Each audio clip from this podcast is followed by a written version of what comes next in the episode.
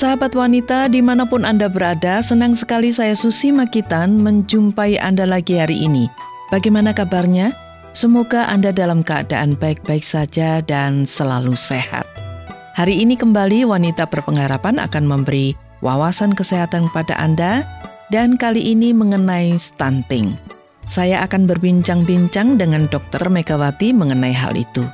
Dan setelah itu, Ibu Wihani STH akan hadir dan memberikan siraman rohani untuk Anda dengan topik mengejar harta surgawi.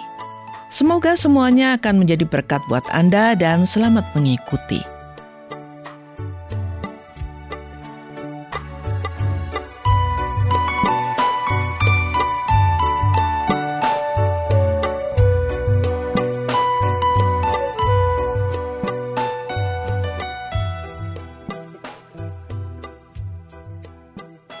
Saudara, akhir-akhir ini kita sering mendengar kata stunting yang banyak dibicarakan oleh ibu-ibu khususnya. Stunting ini merupakan gangguan kesehatan pada anak balita. Anak balita yang mengalami stunting badannya pendek atau tingginya tidak normal. Di Indonesia saat ini jumlah anak yang menderita stunting cukup tinggi dibandingkan di negara-negara Asia lainnya. Nah, apa sebenarnya stunting dan bagaimana mengatasinya? Kita akan berbincang-bincang bersama Dr. Megawati mengenai stunting itu. Dan Dr. Megawati sudah duduk di depan saya. Apa kabar hari ini, Dok? Baik-baik saja, Bu Susi. Dok, anak yang menderita stunting dikatakan berbadan pendek. Nah, sebenarnya stunting itu apa dan mengapa badan anak bisa pendek, Dok? Ya, stunting itu sebenarnya adalah kondisi yang tidak dapat diubah akibat kurangnya nutrisi dan serangan infeksi yang berulang kali selama seribu hari pertama kehidupan anak. Oh, nggak bisa diubah dok ya? Jadi kondisi yang tidak dapat diubah itu gangguannya pertumbuhan tinggi badan dan juga terhambatnya fungsi kecerdasan anak. Hmm, dan ini ya Bu Susi gitu ya, ya, kita harus ingat bahwa ini adalah gangguannya itu mulai dari seribu, seribu hari, hari pertama kehidupan anak.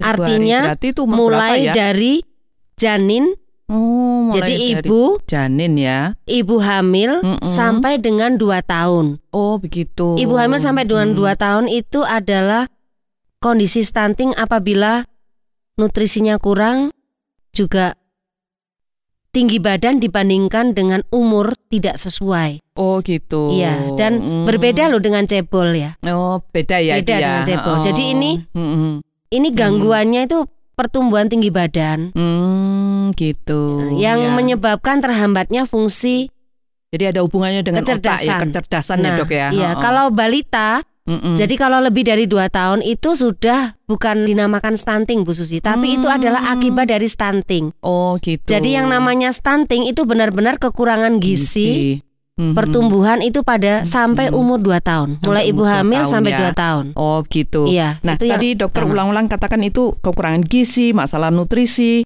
Nah, bagaimana itu? Apakah itu memang menjadi sebab yang utama? Dan bagaimana nutrisi apa yang menjadi kurang, gizi apa yang kurang gitu, Dok? Nah, kalau kita lihat ya, kita ngomongkan kondisi kurangnya nutrisi dan adanya serangan infeksi itu sebenarnya kita akan melihat yang pertama itu penyebabnya bisa kesenjangan sosial Bu Susi.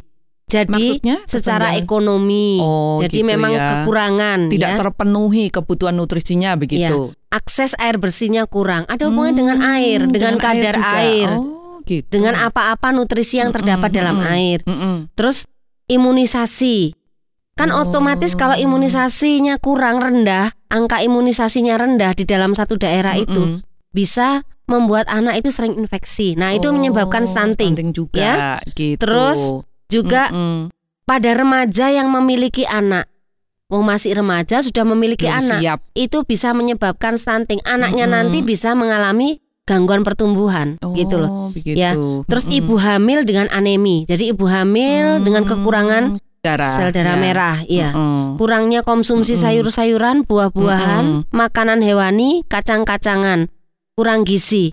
Dan juga ibu yang tidak memberi ASI kepada anak. anaknya. Jadi banyak penyebabnya ya dok ya. Penyebabnya, penyebabnya banyak ya, ya. Karena kita kan mm -mm. mulai dengan seribu hari ya Bu Susi. Mm -mm. Jadi penyebab mm -mm. dari mulai hamil sampai umur 2 tahun. Nah, mm -mm. ibu hamil itu kan kekurangan macam-macam gizi mm -mm. bisa. Jadi mulai dari situ penyebabnya banyak, banyak sekali. sekali ya. Kompleks. Kompleks ini iya. ya. Jadi memang ibu hamil juga harus mengerti ini supaya dia tahu kalau belum siap hamil ya ndak hamil gitu ya, Dok ya? iya. ya.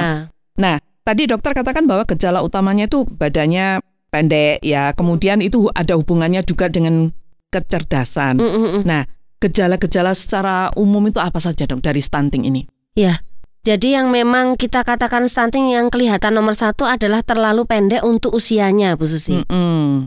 Jadi itu ada ada standarnya ya. Mm -hmm. Jadi usia misalnya dua tahun tuh 2 harus tahun. tingginya berapa, berapa gitu. gitu.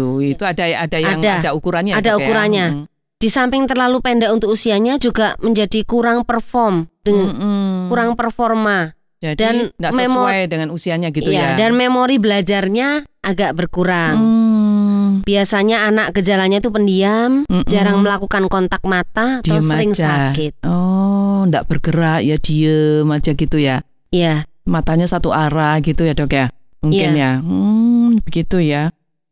Nah, apa saja dampak stunting bagi perkembangan anak ini? Selain tadi dokter sudah bilang itu untuk perkembangan otaknya, iya. kecerdasannya. Iya.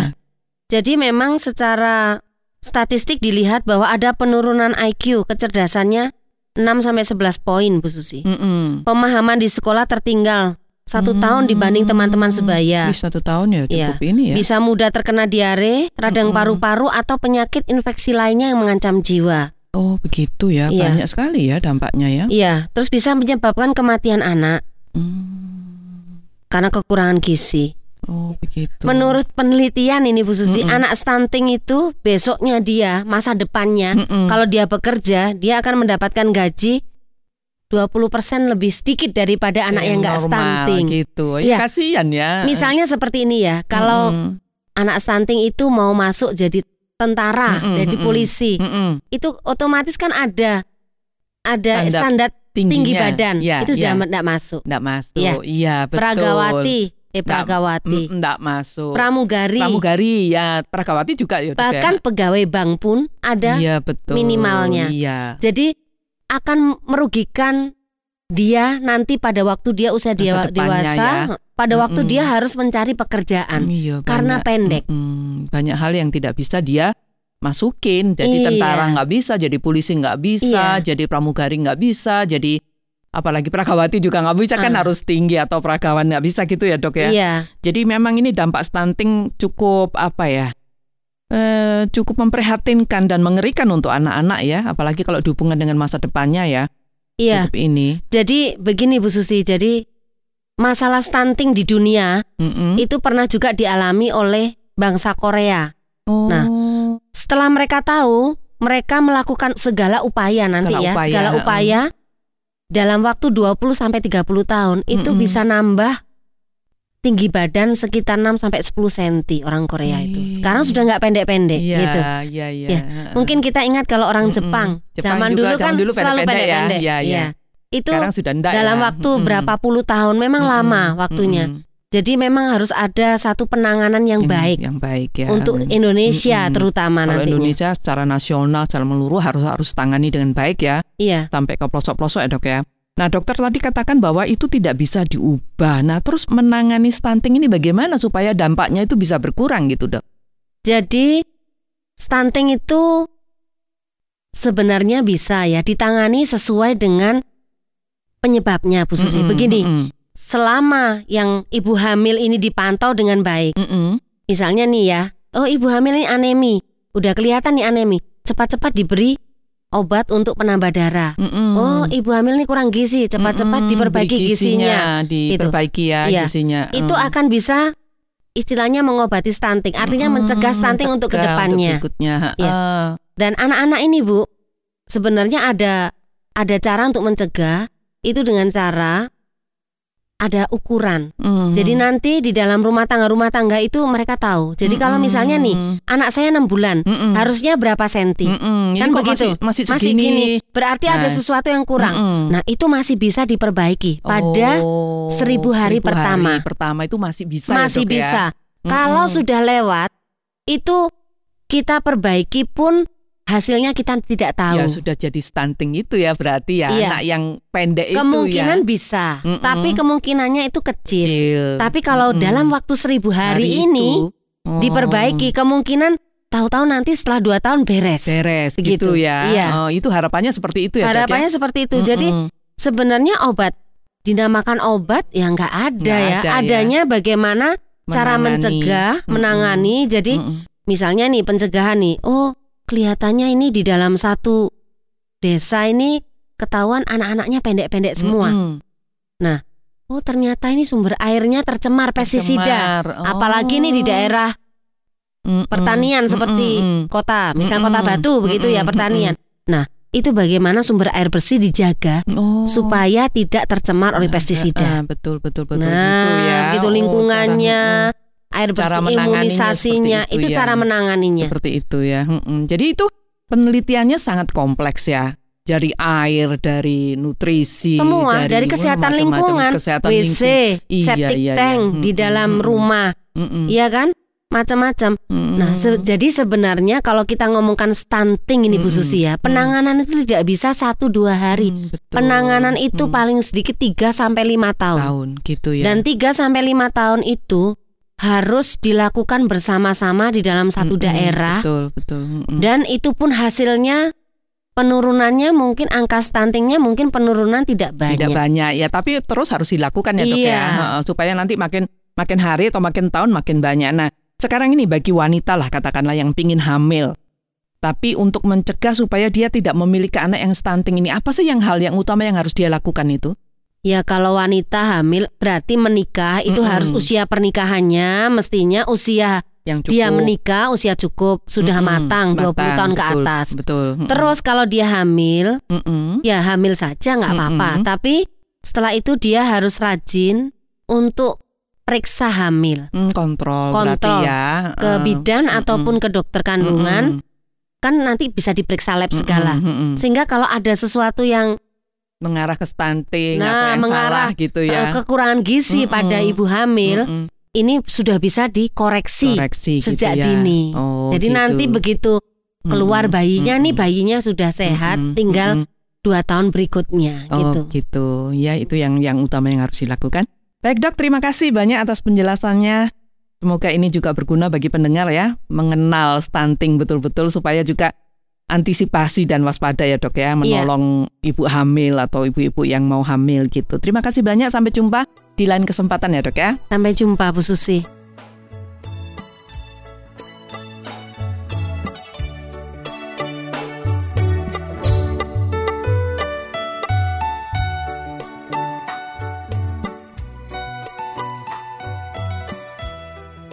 Sahabat, semoga perbincangan mengenai stunting tadi bermanfaat bagi Anda dan keluarga. Dan tetaplah bersama wanita berpengharapan karena sesaat lagi Ibu Wihani STH akan memberikan siraman rohani untuk Anda. Namun sebelum itu, mari kita bersama-sama mendengarkan sebuah lagu yang saya sudah siapkan untuk Anda.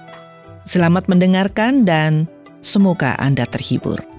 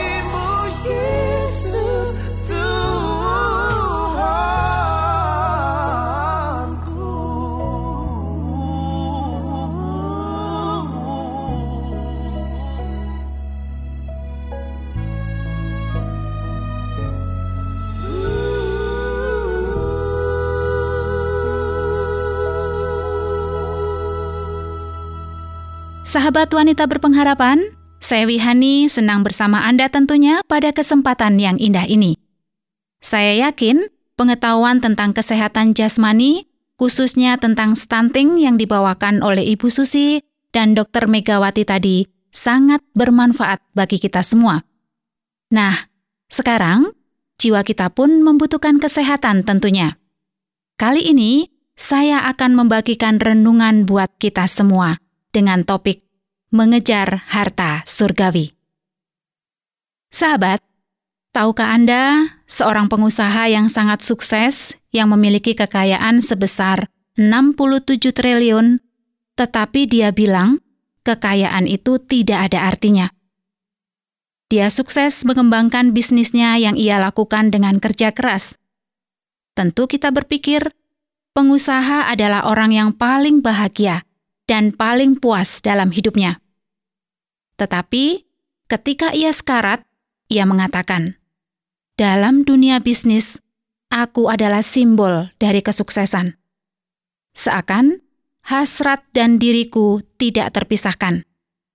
Saat ini aku berbaring di rumah sakit, merenungi jalan hidupku, kekayaanku, nama, dan kedudukan.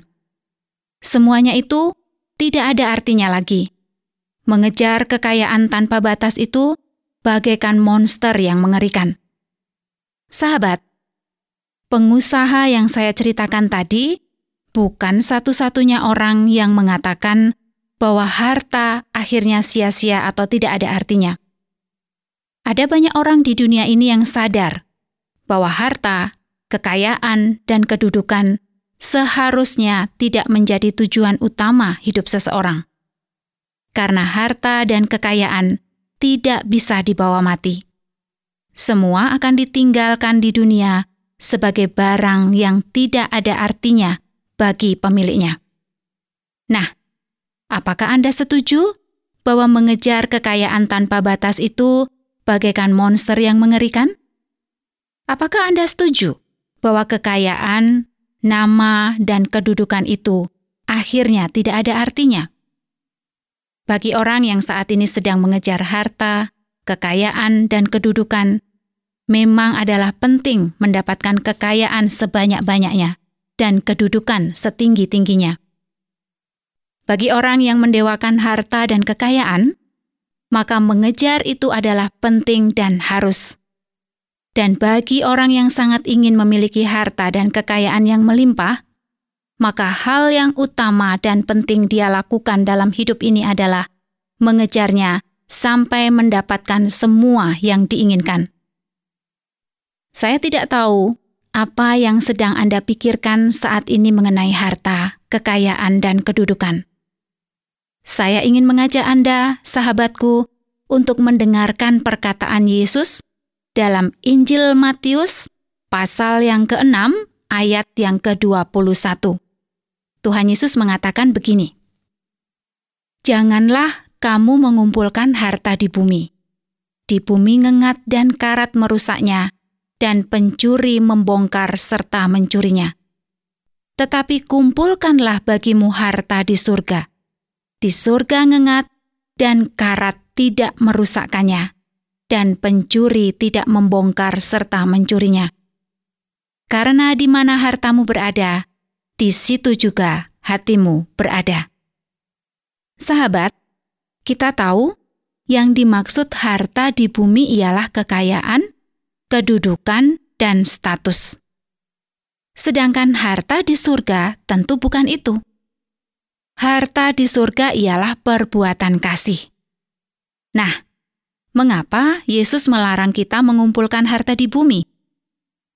Karena harta di bumi akan rusak, hancur, dan lenyap sia-sia. Sedangkan harta di surga, yaitu perbuatan kasih, tidak akan ada yang dapat merusaknya.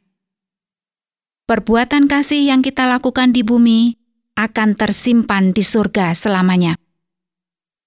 Lalu Tuhan Yesus juga mengatakan, bahwa di mana harta kita, di situ hati kita berada.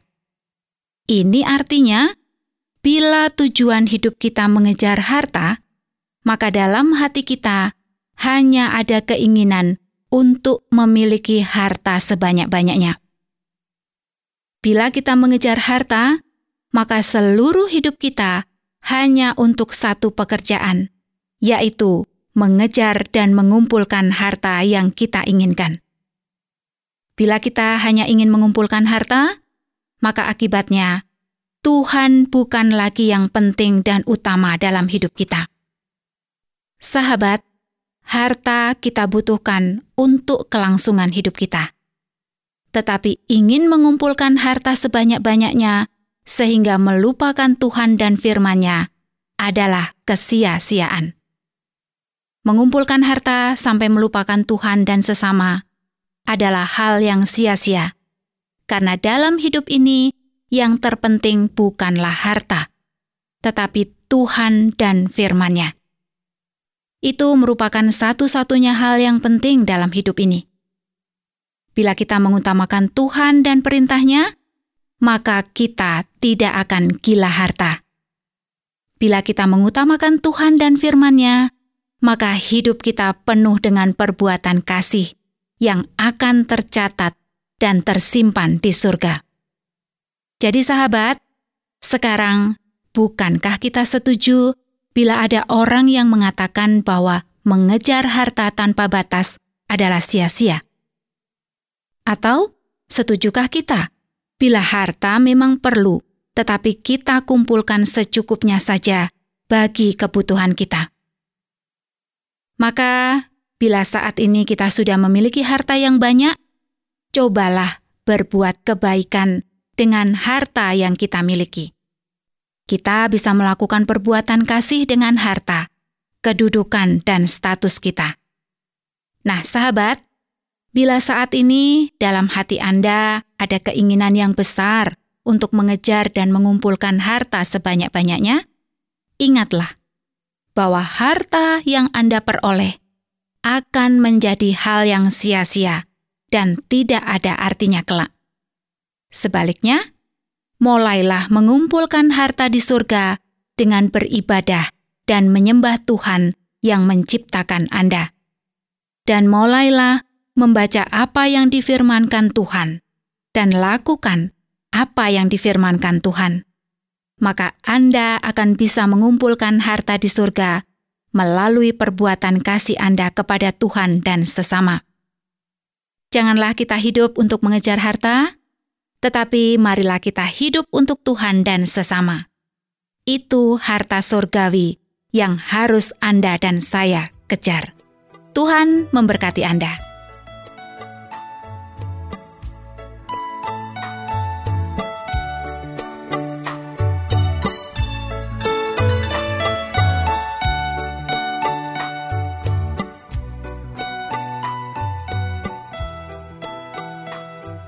Sahabat wanita berpengharapan, sayang sekali selesai sudah acara wanita berpengharapan untuk hari ini. Semoga sajian kami hari ini juga bermanfaat buat Anda dan juga buat keluarga.